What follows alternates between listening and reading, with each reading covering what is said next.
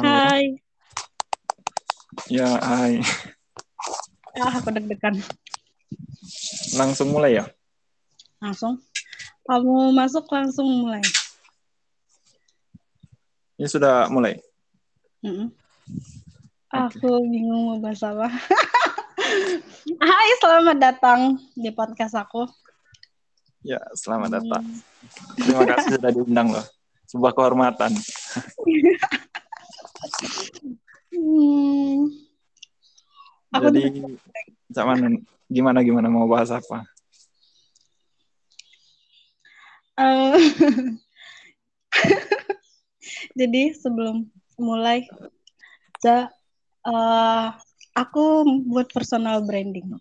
Itu personal branding aku dipanggilnya Ayu. Oke, Ayu, Ayu Anin. Betul. Soalnya, mau tahu nggak? Apa apa tuh alasannya? Soalnya kan kemarin kayak kalau kalau kamu udah denger podcast aku, itu kan salah satu yang buat aku eh, krisis ek- emosi kemarin kan gara-gara ada pelajaran personal branding. Itu tuh makin buat aku kayak tanya Hanin tuh mau jadi apa gitu. Hanin tuh mau dikenal sebagai apa gitu. Terus aku mikir, mikir, mikir, mikir, mikir, mikir. Kenapa aku nggak pakai kata Ayu? Yang kayaknya di Jakarta tuh pasti Jarang. banget kan, jarang banget yang orang yang pakai nama panggilan Ayu gitu. Terus juga sekalian kan aku punya visi untuk memperkenalkan Komring tuh. Aminin dong. Amin, amin, amin, amin. Nah, ini jadi aku pikir adalah aku pakai Ayu. Padahal ini sangat berseberangan banget sama aku kan. Sedang aku tuh dari kecil tuh dipanggilnya Mbak. Soalnya Soalnya Cak Mbak Mbak kan. enggak, soalnya ayahku kan Jawa. Jadi aku tuh dipanggilnya Mbak. Jadi dari kecil tuh semua orang panggil Mbak. Semua keluarga besarku panggil aku Mbak. Terus tiba-tiba aku mau buat personal branding, namaku Ayu. Ayu. Challenge banget. Tapi kalau aku sih selama masa kuliah sih memang dipanggil Kiai sih. Sama wong-wong itu. Ya Eja galak. Iya. Ya dulu eh, Instagramku kan ku kasih nama Ye Eja. Iya, jadi kalau dirimu mau buat personal brandingmu ya Eja, udah bisa. Sedangkan aku kan dari keluarga Mbak. Sering Masuk dipanggil. Mbak. Gitu. Oke. Jadi apa kabar Reza? Aku masih cantik. Eh, aku nih aku perlu kenalan dulu nggak sih? Boleh. Eh, perkenalkan nama saya Reza. Iya. Usia Nama lengkap 20 dong, nama lengkap. Apa? Nama lengkap. Nama lengkap Ahmad Reza Nopriansyah. Tahun S1 dan pengangguran. Enggak pengangguran atuh kan definisi. Menurut Reza yang ku kenal, definisi pengangguran itu tidak ada pekerjaan padahal dia sudah mencari. Iya gak sih? Kayak kamu dulu ngomong gitu gak sih? Memang benar sih. Iya kan? Iya sih, aku tak, tak mencari Oh, jadi aku ini tidak pengangguran sih sebenarnya. Iya lah.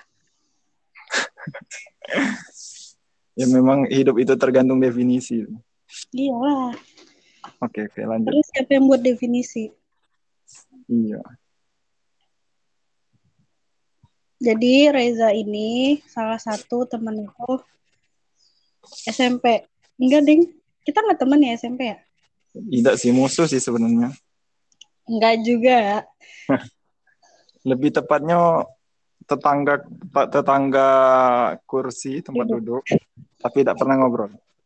Betul. Dua tahun sekelas di SMP tapi nggak pernah ngobrol. Ngobrol. Baru ngobrolnya setelah reuni, Soal lulus SMA ya? setelah lulus SMA. Pas waktu kuliah. Heeh. Kita dulu pernah ada proyek, proyek buat reuni reuni pertama dan terakhir kayak gini. Iya. Niat niat buat reuni untuk apa? Biar ada reuni lagi malah jadi yang terakhir. Reuni perdana dan akbar menurut kita. Iya. Menurut kita. Nggak apa-apa. Kalau misalnya ada yang lebih akbar, ya silahkan buat ya nggak sih? Iya kan hidup tergantung definisi yang kita buat. Betul. Ini Betul. hidup kita. Jadi, uh, mau bahas quarter life crisis. Kamu tahu nggak quarter life crisis itu apa? Tidak terlalu paham secara detail sih, cuman Yang kamu cuman tahu deh. baca-baca juga tentang itu. Hmm? Di itu tuh baca apa namanya?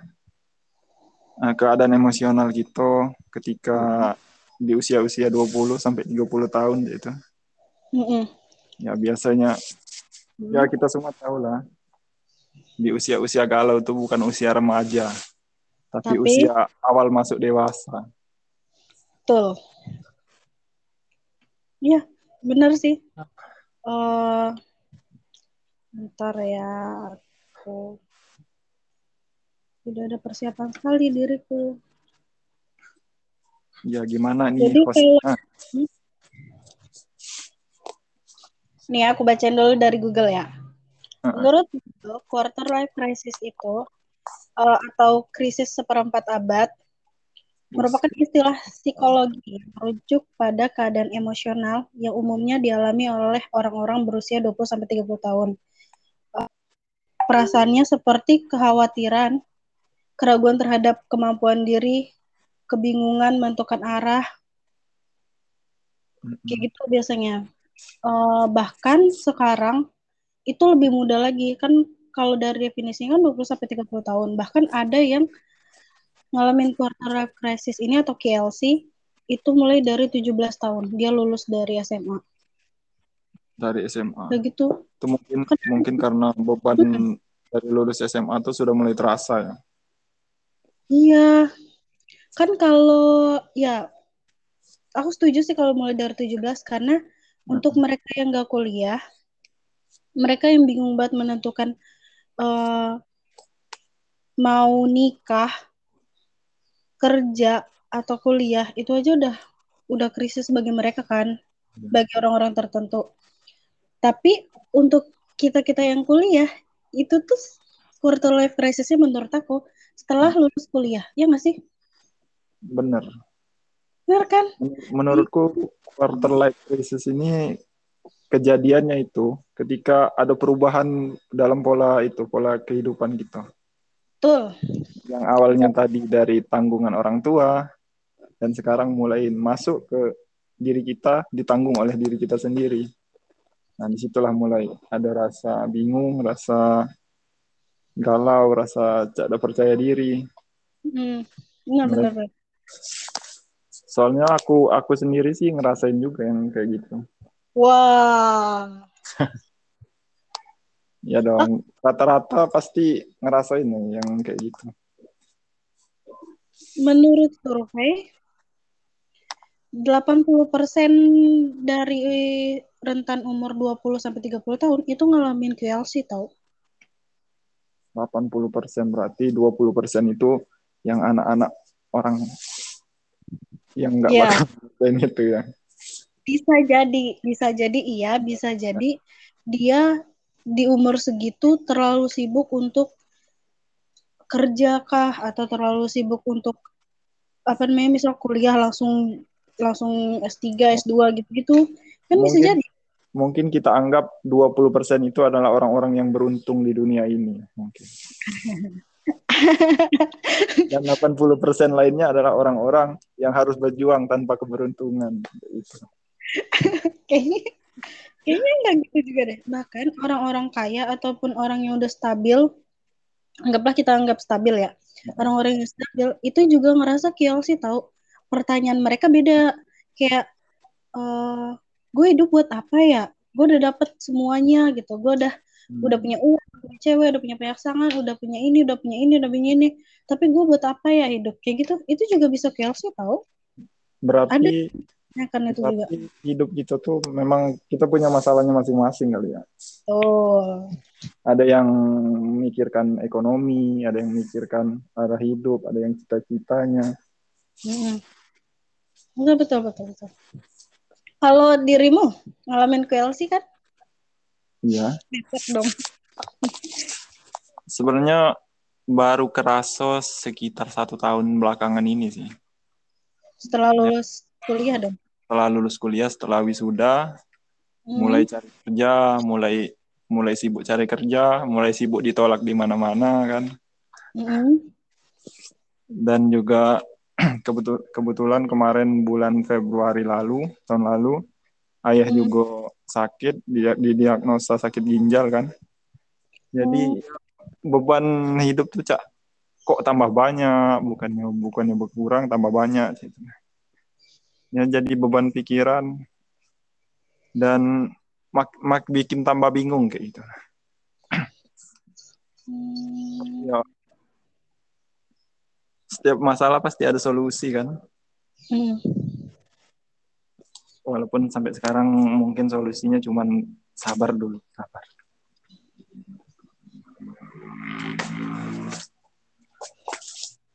hmm.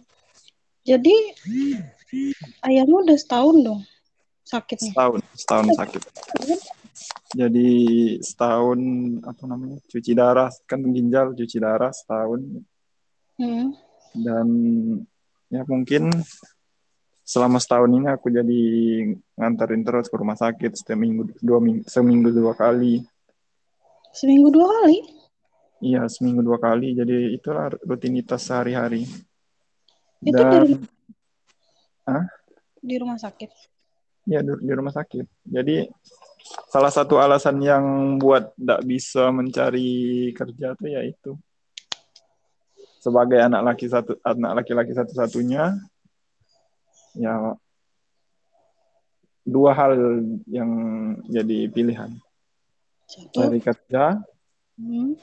ninggalin orang tua yang sakit atau ya ngurusin orang tua dulu tapi lepas dulu kerjaan soalnya kemarin tuh juga di bulan Januari-nya posisinya tuh sudah lagi posisinya bukan pengangguran sudah bekerja di salah satu perusahaan ya, perusahaan properti lah bisa dibilang. Hmm. jadi agen perumahan. Hmm. Dan ya setelah ada kabar ayah sakit balik ke dusun. Dan menjalani hari-hari di sini. Dan di situlah mulai quarter life crisisnya itu. Wah termasuk berat juga ya, ya so kalau so kalau aku kalau orang tua aku sakit entah kayak runtuh dunia aku. Iya. Ca sesuatu yang kita impikan itu harus kita ubah lagi sih. Rencana planning-planning yang tadinya sudah disiapkan, aku harus ke ini, aku harus ke sini, aku pengen ke ke sini. Hmm. Begini aku harus ke ini. Semuanya harus diubah sih itu. Planning-planning yang tadinya sudah anak dijalankan harus diubah lagi. Karena ada faktor yang harus itu yang harus diperhatikan juga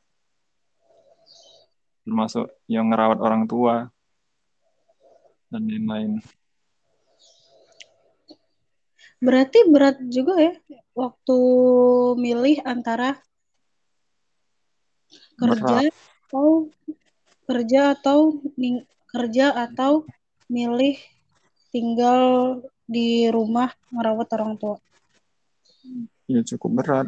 Soalnya ya posisi karena kalau posisi tinggal di kota kan enak. Nah, hmm. kita bisa kerja sambil um, apa ngurusin orang tua. Ini kalau posisi saya kan di desa ya. Jadi kerja pun ya kerja kerja ala desa. Nggak ada yang yang namanya S1 yang nggak nggak kepake gitu. itu juga Sedang- tambah memperberat lagi suasana Karena emosional Ya, maksudnya udah capek-capek kuliah S1 ternyata tiga aduh tahun setengah kuliah ngejar IPK ngejar ini itu tapi or- orang-orang lihat kok masih di dusun sih kayak itu Iya, iya, iya. benar-benar. Padahal ekspektasi orang kayak ekspektasi orang tuh kan oh anak Kan- kuliahan manajemen harusnya kan kantoran?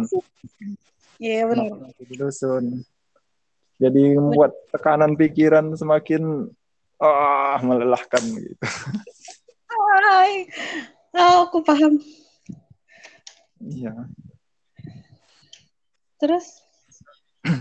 Ya cara mensiasati supaya perasaan itu tidak terlalu apa namanya tidak terlalu mencengkram itu. Hmm, kalau aku sih yang pertama ya kita berpikiran positif setiap ada ma- apa susah. Percayalah. Susah Benar, untuk berpikir positif di saat seperti itu. tapi walaupun susah ya kita harus lakukan gitu Hebat untuk sih. menyelamatkan, untuk menyelamatkan diri sendiri Betul. Menyelamatkan dari kegiatan. berpikirnya kayak kayak gini Hmm. setiap masalah itu kan pasti ada jalan keluarnya. Kalau udah kati jalan keluarnya pasti kita berarti kita bakalan mati se- setelah ada masalah itu. Nah, jadi aku mungkin ya mungkin ini cuman salah satu dari ujian dan ya mungkin ini juga waktu untuk ber apa namanya? ber- Berbakti. berbakti kepada orang tua selama ini kan ya nggak terlalu ada kesempatan untuk kayak berbakti kayak dekat dengan ayah kayak gitu dan hal-hal lain yang bisa menguatkan diri kita itu ya teman sih menurutku terutama Hmm. teman yang punya masalah yang sama Betul. Terus? kita tuh kalau kita lagi dalam keadaan quarter life crisis krisisnya ini Mm-mm. jangan sampai kita menutup diri dari orang-orang lain atau teman-teman gitu. Karena semakin kita menutup Hmm. diri, ya itu jadi pikiran-pikiran negatif itu semakin menguasai diri kita gitu. Aku sih tidak terlalu punya banyak teman sih, tapi yang penting kawan-kawan yang berkualitas kayak gitu. Yang setiap kita ada masalah mereka mendengarkan tanpa tanpa adu nasib kayak gitu. Hmm, Kadang-kadang betul. kita kita curhat, eh kau masih mending, aku lebih susah lagi. Bener-bener. Kok laju laju nasib, adu mekanik ini malah. Betul. Aku lebih susah daripada kau. Betul, betul, betul, betul. Kita Jadi tadi persaingan paling iya, susah. ber- bersaing di siapa yang paling susah malah. Iya. Tapi eh ini kan perasaannya nggak enak kan, bingung, galau, terus nggak percaya diri segala macam gini gitu ya, gitu-gitu kan. Heeh. Kamu cerita ke siapa? Milih ceritanya ke siapa aja? Ada sih kawan kuliah Hmm. Yang dia juga ngerasain hal yang sama walaupun masalahnya berbeda ya. Dia sudah ngelamar kerja ke mana-mana sampai ke Jakarta sampai ke Lampung ke mana-mana tapi dia belum bisa dapat satupun dan ya itu bis dia itu membuat dia tertekan juga sih dan kami Iya. sering sering sharing eh, saling apa saling menguatkan kayak gitu dan memang setelah bercerita ngobrol sama wong yang punya nasibnya sama ya kayak kayak ada rasa lega kayak gitu oh bukan aku sendiri yang kayak gitu Betul. Dan memang sih kalau ada kawan yang sama-sama susah tuh memang agak membuat lega gitu Oh, ada yang lebih susah ternyata. Jahat sih. bukan gitu sih Iya, Kalau- iya, iya. susah kawan harus susah sih memang.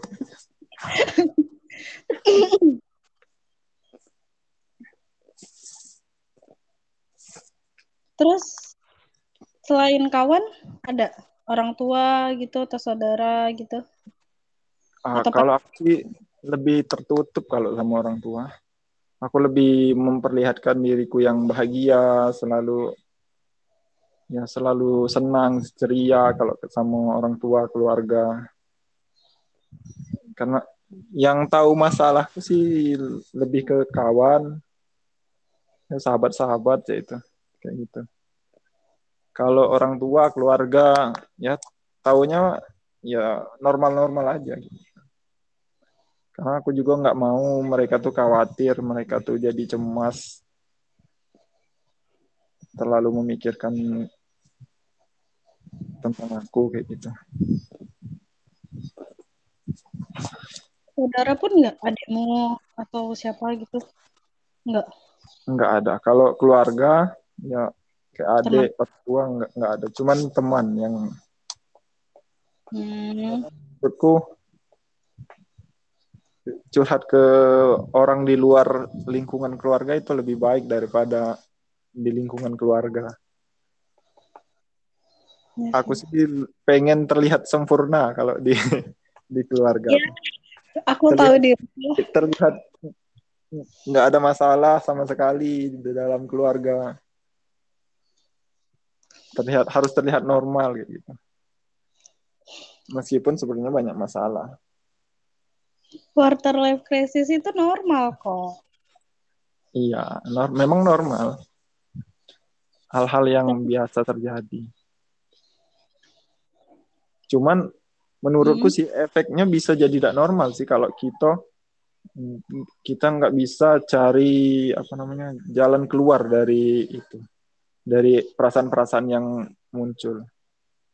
Betul. Bahkan bisa buat kita depresi. Betul. Dan so jadi penyakit yang lain-lain di badan. Hmm. Iya, benar banget. Aku kemarin hmm? di, di di fase-fase terberat ngerasa aku, aku ngerasa drop cah itu.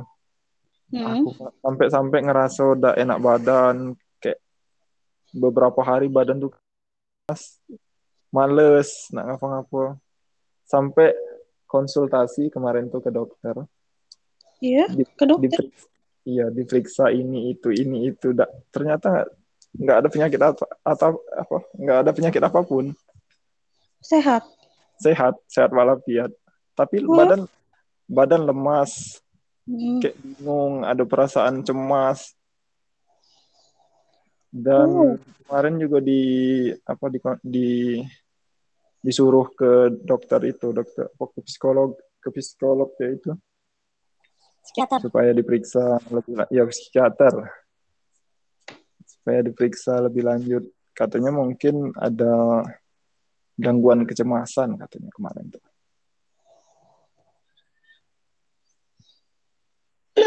tapi kalau tapi menurut aku, hmm? uh -uh.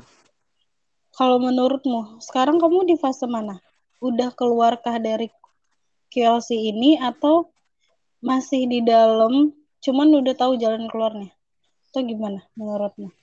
Uh, kayaknya ini di fase-fase belum keluar tapi hampir selesai. Hmm. Dan karena it, menurutku kan QLC ini tergantung kasusnya kasusnya apa kan? Apa hmm. penyebabnya? Nah, mungkin kalau penyebabnya nanti sudah terselesaikan mungkin aku bisa keluar bisa move on dan lebih ya lebih kembali ke seperti biasa terutama hmm. ya di bagian aku bisa apa ya mencari pekerjaan bisa melanjutkan hidup seperti orang normal. Yang yang yang tak selalu dihantui dengan pertanyaan sekarang lah kerja di mana? Lah kerja apa? Betul betul ih benar itu salah satu pemicu sih tahu masyarakat yang bertanya kayak kamu kerja di mana? Kamu udah nikah atau belum? Kapan kamu punya anak? Kapan anak kedua? Gitu-gitu tuh. Itu salah satu pemicu dari Chelsea-mu itu tahu kesal banget aku sama masyarakat. Itu kayak kayak kena mental langsung kalau mereka iya. nanya kerja di mana sekarang? Kayak mm. Hah? kerja di mana? Iya kadang-kadang aku jawabnya sih ya cari aman mah baru lulus kuliah kemarin. Padahal kan sudah tahun dua tahun lewat.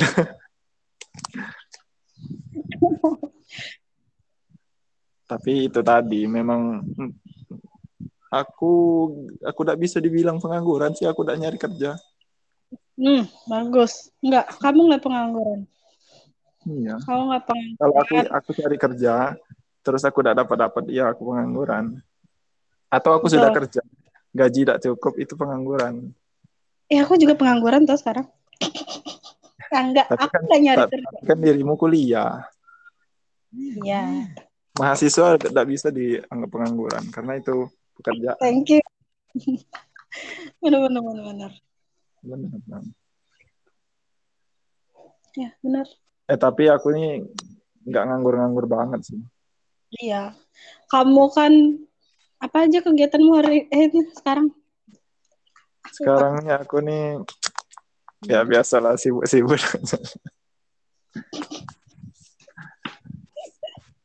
Kemarin nyoba hmm. itu agribisnis.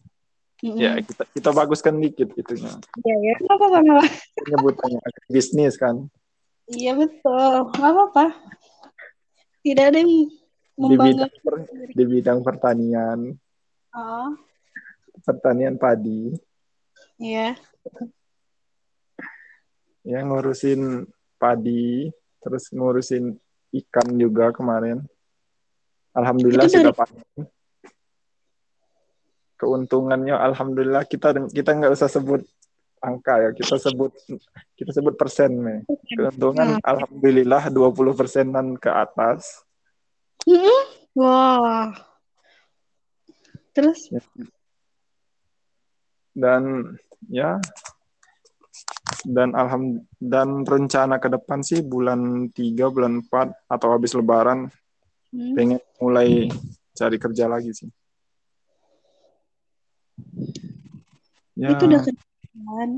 Agribisnis, argi, agribisnismu udah kerjaan itu. It's okay. Iya, cuman hmm. uh, kita perlu menjadi besar kayak gitu. Nggak, nggak bisa cuman mulai dari yang kecil-kecil. Kalau aku aku bisa baik sih itu apa namanya hmm. Mulai dari situ terus dari kecil ke besar ke besar ke besar. Tapi kan perlu waktu yang banyak kalau kayak gitu. Rencana aku sih ya aku pengen kerja di perusahaan dulu. Baru deh kalau ada modalnya baru bikin usaha sendiri. Amin. Doa doain dong. Amin.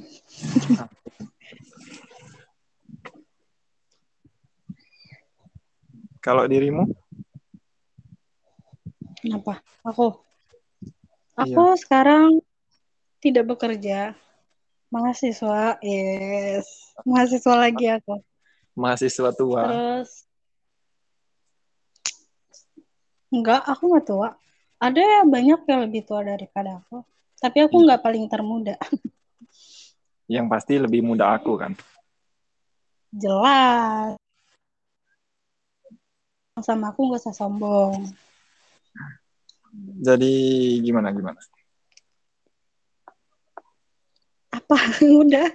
Tentang uh, tadi selesai. Enggak. Jadi eh, kalau Kelsey ini emang berat sih, berat banget. Tapi saran aku kayaknya fasenya sama nih sama kamu. Sama-sama kita udah lihat titik terang. Udah lihat titik terangnya. Tapi emang belum nyampe situ. Kita udah tahu, kita udah mulai berdamai sama diri kita sendiri. Kalau ya nggak apa-apa. Kenapa nggak apa-apa? Kayak gitu. kalau dari segi aku kayak sekarang ya, ya aku lebih men tidak apa-apakan diri aku kayak it's okay nih it's okay gitu kalau dulu kan tekanan banget kan kalau misalnya aku salah sedikit atau apa gitu aku tertekan banget bener-bener tertekan banget kayak aduh kenapa sih aku gitu kecewa banget sama diri aku sendiri kan? Gara-gara Chelsea ini aku mulai menolerir diri aku sendiri gitu loh. It's okay nih it's okay. Nggak apa-apa. Gitu gitu kayak kayak gitu tau. Kayak KLC itu kayak ngejadarin kita bahwa kamu tuh jangan pasang standar terlalu tinggi loh. betul! Ini Betul. loh, ini loh kemampuan dirimu tuh. Kamu harus kenal dirimu kayak gitu. iya bener Di- Sisi baiknya juga dari situ. Oh iya, aku baru aku baru ingat. Jadi kan KLC ini kan baca aku baca-baca ya. Ada yang ngalamin KLC itu sampai 2 tahun, tiga tahunan tuh.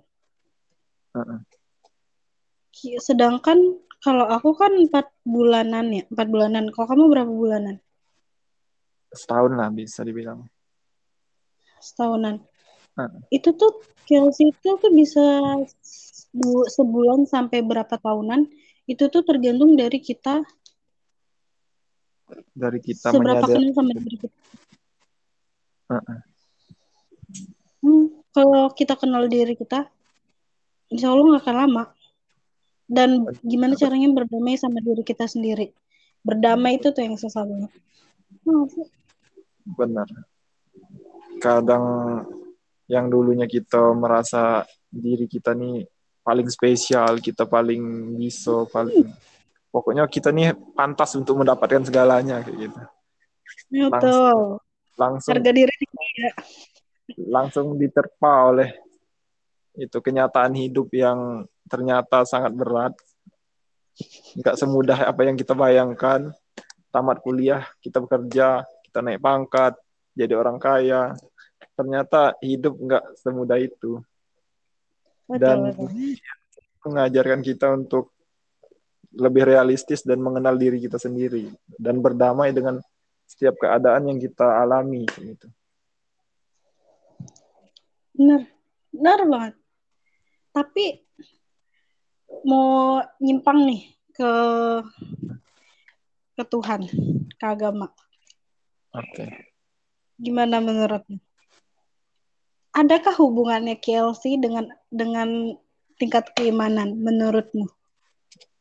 Menurutku sih ada sih. Mm-mm.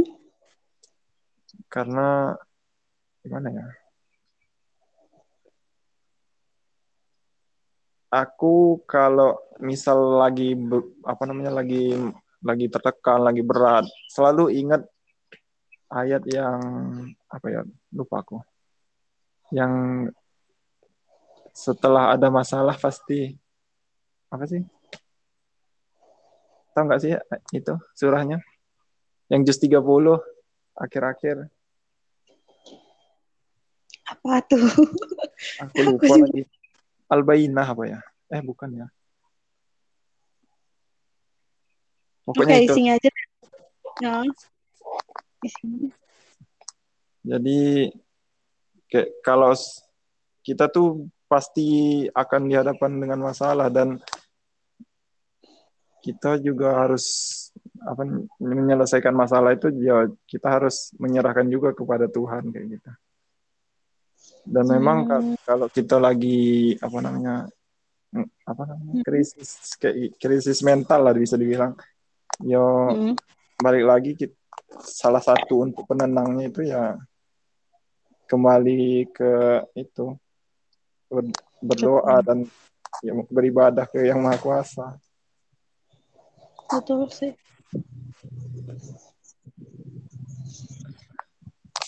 Benar-benar. Benar. Kalau dari aku ya, kemarin tuh sih parah banget. Itu karena aku ngeluh doang, tapi aku aku sadar kau kok aku nggak balik ke Allah gitu. Jadi kayaknya tuh makin ditimpa ditimpa ditimpa ditimpa timpa gitu.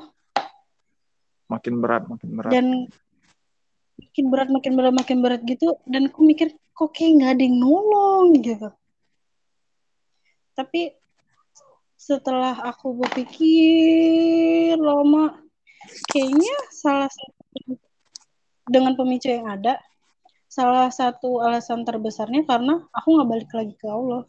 Kayak gitu. Benar kadang-kadang aku sih. Hmm. kadang-kadang aku kadang-kadang kayak Tuhan tuh ada ada cara tersendiri loh ngasih ngasih teguran ngasih itu ke kita. Misal nih kita lagi hmm. cak kemarin lagi terpuruk ya. Lagi apa namanya? Yeah. lagi ya susah itu. Dan ternyata di waktu itu setiap apa pun yang kulakukan ternyata bisa berhasil daripada sebelumnya sebelum aku terpuruk kayak gitu kayak kemarin ya aku nyoba hmm. miara ikan lele ku, ku piara seribu hmm. sebelum ini sebelum ada masalah masih zaman zaman baru tamatnya kuliah belum ada masalah apa apa aku hmm. piara ikan mati tanpa sisa langsung selesai oh. tapi pas ada aku ada gejala ada masalah ini lagi tertekan aku lagi bingung aku coba, ah cobalah daripada ngerasa tertekan, lebih baik kita alihkan ke kegiatan-kegiatan yang positif kan. Ternyata berhasil, hmm. bahkan percaya atau nggak percaya sih, satu pun nggak ada hmm. ikan hmm. yang mati, yang ngambang di usia bibitnya kemarin. Satu pun? Satu pun nggak ada. Cuman ada yang mati pas usia dewasa itu karena kanibal. Dan itu normal, cuman satu dua ekor. Iya, dan normal itu. Dan bisa sampai dapat keuntungan yang tinggi. Modalku cuma satu juta kemarin beli pakan sama segala macam. Dan aku dapat hmm. uang satu juta lima ratus. Itu mungkin oh, lebih. lima puluh persen. Lebih. Lima puluh persen dari modal kalau, kan? Iya, kalau hitung kotornya lima puluh persen, tapi dan itu okay. ya. mungkin kalau dihitung sama listrik segala macam mungkin enggak enggak puluh persen juga. Cuman itu luar biasa. Kasarnya doang. Masa gitu. Karena ya yang profesional pun untuk kayak gitu. Apalagi untuk pemula yang nggak tahu apa-apa, yang cuman ya jingok sekedar jingok lihat YouTube dan bisa mendapatkan kayak gitu. Dan lagi uh, sebelum-sebelumnya kemarin kayak kan orang tua tuh ada sawah. Sebelum ada masalah ini, ya padi di sawah tuh ya kayak banyak dimakan tikus, banyak yang hama segala macam. Sekarang ketika dikerjain dalam keadaan kayak gini, alhamdulillah hmm. sekarang bagus. Bahkan ti, padi yang dimakan tikus itu dikit lah minim cuman kayak sepetak tapi tidak benar-benar dimakanin tikus cuman dikit-dikit. Beda jauh daripada yang dulu. Mungkin itu juga kayak sebuah pertolongan kecil kayak gitu. Yang yang kata Allah tuh sabar aku bantuin kok kayak gitu. Dan aku wow. baru baru nyadarnya kemarin baru baru-baru ini. Karena ada hal-hal yang berbeda yang yang tadinya kalau kita lakuin kayak gagal terus tapi sekarang kok bisa langsung tiba-tiba berhasil kayak gitu. Dan itu juga yang membuat aku jadi lebih percaya diri lagi untuk nyoba nantinya hal ya hal-hal yang baru. Karena selama aku ke, kena yang apa namanya tadi? Krisis apa KLC. tadi? Ya KLC Nah, selama aku hmm. KLC aku jarang ngedapat yang namanya kegagalan. Yang sebelumnya aku selalu gagal. Dan dan sekarang mulai, mulai sudah mulai percaya diri lagi.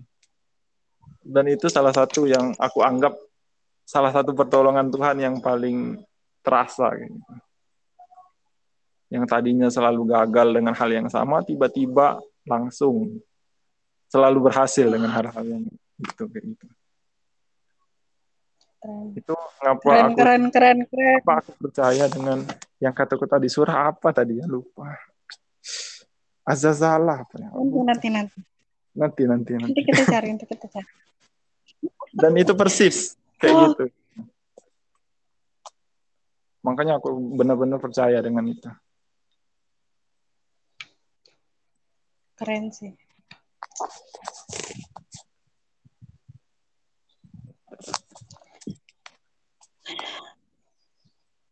Yang pasti, kalau kamu lagi ngalamin KLC, hati-hati mengambil keputusan. benar-benar Benar nggak? karena Dan menurutku, ya menurutku keputusanmu untuk tinggal dan jaga orang tuamu itu adalah pilihan terbaik. Itu yang Iya. paling baik. Dan Benar. kamu mencoba bangkit eh, untuk mengalihkan KLC-mu jadi kegiatan yang positif itu udah bagus banget. Ditambah yang aku juga bangga adalah bangga. Yang aku juga setuju adalah kamu cerita ke orang. Mau kamu ungkapin perasaan kamu ke orang. Walaupun itu kebetulan orang yang senang itu udah keren banget sih. Keren banget. Itu lebih baik daripada kamu pendam sendiri, lebih baik daripada kamu tahan sendiri, terus kamu stres sendiri, itu lebih baik sih. karena kalau Dan di aku apresiasi bahaya sih Hah?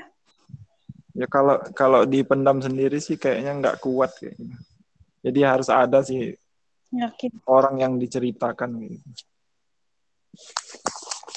itu masih dan untuk yang masuk. kata di keputusan untuk apa namanya untuk lebih memilih untuk merawat orang tua Stay. daripada memikirkan pekerjaan itu sih salah satu juga yang yang selalu aku ucapkan ke diri sendiri. Tenang Reza. Keputusanmu Oh, sudah sudah sudah paling benar kok. Dan betul. kesuksesanmu bukannya nggak ada cuman ditunda sebentar. Kayak gitu. Disud- ditunda sebentar untuk misi merawat orang tua. Itulah juga yang selalu ku bisikkan ke dalam diri sendiri kalau lagi benar-benar depresi lagi benar-benar tertekan gitu. karena nggak menurutku nggak ada keren. pilihan yang lebih nggak ada pilihan yang lebih baik lagi daripada ini. Kita mengejar karir pun ya So- belum belum tentu sukses Iya, benar. Bahkan mungkin KLC mah akan lebih parah kalau kamu milih kerja. mungkin Soalnya ada ada ketidakriduan orang tua. benar-benar Ya nggak sih? Dah, keren banget sih. It's okay. Kalau misalnya mau dipikir jahat ya, banyak kok orang-orang di luar sana yang udah kerja kantoran atau segala macam, tapi dia nggak sukses. Banyak. Banyak. Yang cuman tiap bulan nungguin gaji, banyak. yang Jadi, tiap, ha- tiap makanya- hari Senin nungguin minggu banyak Betul. Nggak minggu, Sabtu. Betul, betul, betul, betul. Yang hidup cuman nunggu yang hidup cuman tidur, kerja, terus pulang, tidur, bangun lagi, mikir kerja lagi, banyak. banyak, banyak orang yang nggak hidup di bahagia. akhir pekan Iya. ada ada Jadi hal it's okay. positif juga sih. hal positifnya adalah aku hidup setiap hari bukan cuma hidup di akhir pekan setiap hari juga bisa Betul. menikmati Wah, ini aku jadiin judul untuk setiap hari. kan kan kan ada ada yang bilang dua hal paling berharga di dunia ini yang pertama Satu. uang yang kedua waktu oke lah Betul. aku aku nggak punya uang tapi aku punya banyak waktu so Uang waktu yeah. adalah uang, jadi aku adalah orang kaya, bro. keren keren. Betul betul betul. Hidup tergantung definisi. Tapi betul. Tapi kalau dari segi ekonomi, kurasa nggak terlalu terguncang kan? Nggak terlalu sih, walaupun kemarin cukup banyak pengeluaran untuk biaya orang tua, tapi semua masih berjalan normal. Adikku masih kuliah, dan ya normal semuanya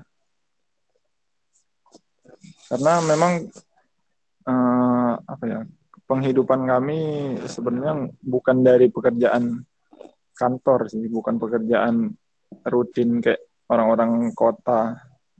Nah, hidup di desa kan ya hmm. penghidupannya ya dari apalagi kalau dari bukan dari sawah dan ladang kan. Jadi walaupun terjadi kayak ini ya aman-aman aja kalau ekonomi. Nah itu itu juga yang masih harus disyukuri ya soalnya oh. kalau misalnya kalau misalnya nggak ada sama sekali terus harus bolak-balik ke rumah sakit bayangin itu udah berapa banyak. Maksudnya benar-benar kesusahannya kalau lebih parah deh. Jadi banyak yang masih bisa disyukuri apa? Beruntung juga sekarang alhamdulillahnya kan biaya rumah sakit itu ditanggung itu asuransi kesehatan. Nggak nggak boleh sebut BPJ. merek. ya BPJS. Oke. Okay. Oh gitu. Emang cuci darah masuk ya? Masuk sekarang. Kemarin waktu di rumah oh. sakit swasta, di rumah sakit Islam, itu bayarnya 400 dari satu juta tiga ratus ke cuman bayar 400 cuman sekarang pindah ke rumah sakit umum jadi gratis Oh. Cuman paling kalau obat yang nggak ada di rumah sakit yang harus kita tebus sendiri. Nggak lebih dari seratus ribu. Oh gitu. Hmm. Itulah beruntungnya lagi. Nih, masih ada yang harus BPJS.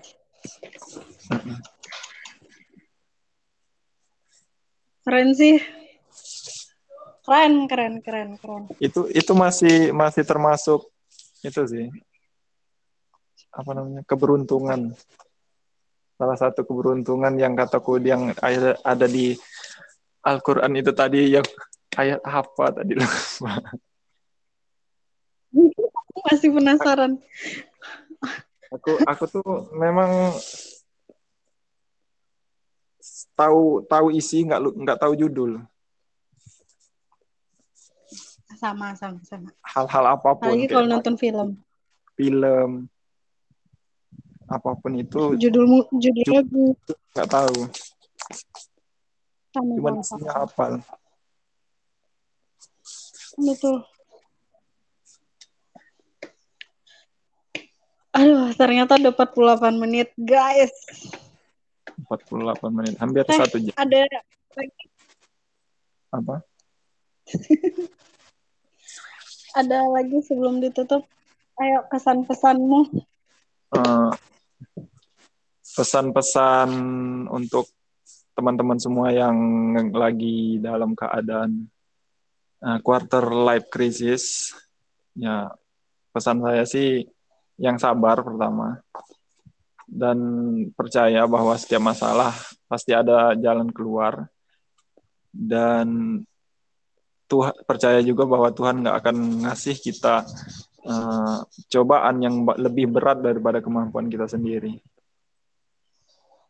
Dan kita pasti bisa. Yang penting stay positif dan wajib punya teman untuk curhat. Kayak gitu. Betul. Betul. Mungkin cuma Oke, okay, thank you Reza. Oke, okay, ah, thank you Ani. Kamu uh, uh, selamat ulang tahun ya.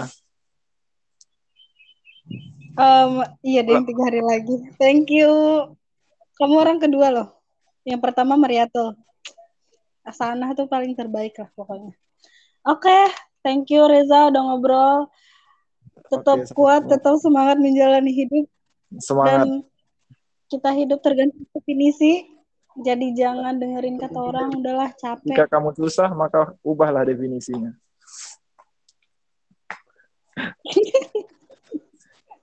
Terbaik banget sih. Kalau kita Oke, lagi thank you. Oke. Hmm? apa apa apa habisin habisin dulu apa tadi Sudah sih. Cuman thank you. Sebuah Ya, kehormatan bisa diundang ke podcast yang luar biasa ini. amin ah, doain dong semoga gede Amin. Karena- Semoga semoga bisa bersaing dengan Om Deddy ya. aduh Ya, siapa Amin. tahu kan. amin tapi dirimu pengguna Spotify nggak sih Oh jelas. oh di handphone di handphone ini Spotify sudah di, dijadikan aplikasi yang wajib tak tidak bisa di uninstall jadi aman Oke, berarti kamu harus dengerin terus dari episode episode 1 sampai berikutnya. Insya Allah insya Allah podcast aku akan upload tiap hari Kamis. Untuk jamnya jangan diharapkan. oke Ini oke. mau langsung upload tau? tanpa tanpa edit ya full tanpa potong Aku agak males yang edit. Yang penting kita nggak ngomongin yang aneh-aneh atau ngomongin orang. Udahlah nggak apa-apa. Nggak apa-apa kan nggak diedit. nggak apa-apa sih cuman Ya maaf udah. loh Thank you. Indonesia aku kurang bagus Udahlah. Lagian pendengar pendengarku kayaknya orang-orang Batu Raja juga. oke Masih lokal. local pride oke semoga berhasil dengan proyeknya. Mungkin nanti Amin. Eh, bisa diundang lagi di acara yang lain. Dengan tema. Mungkin tema tema selanjutnya mungkin orang-orang yang bebas dari quarter life crisis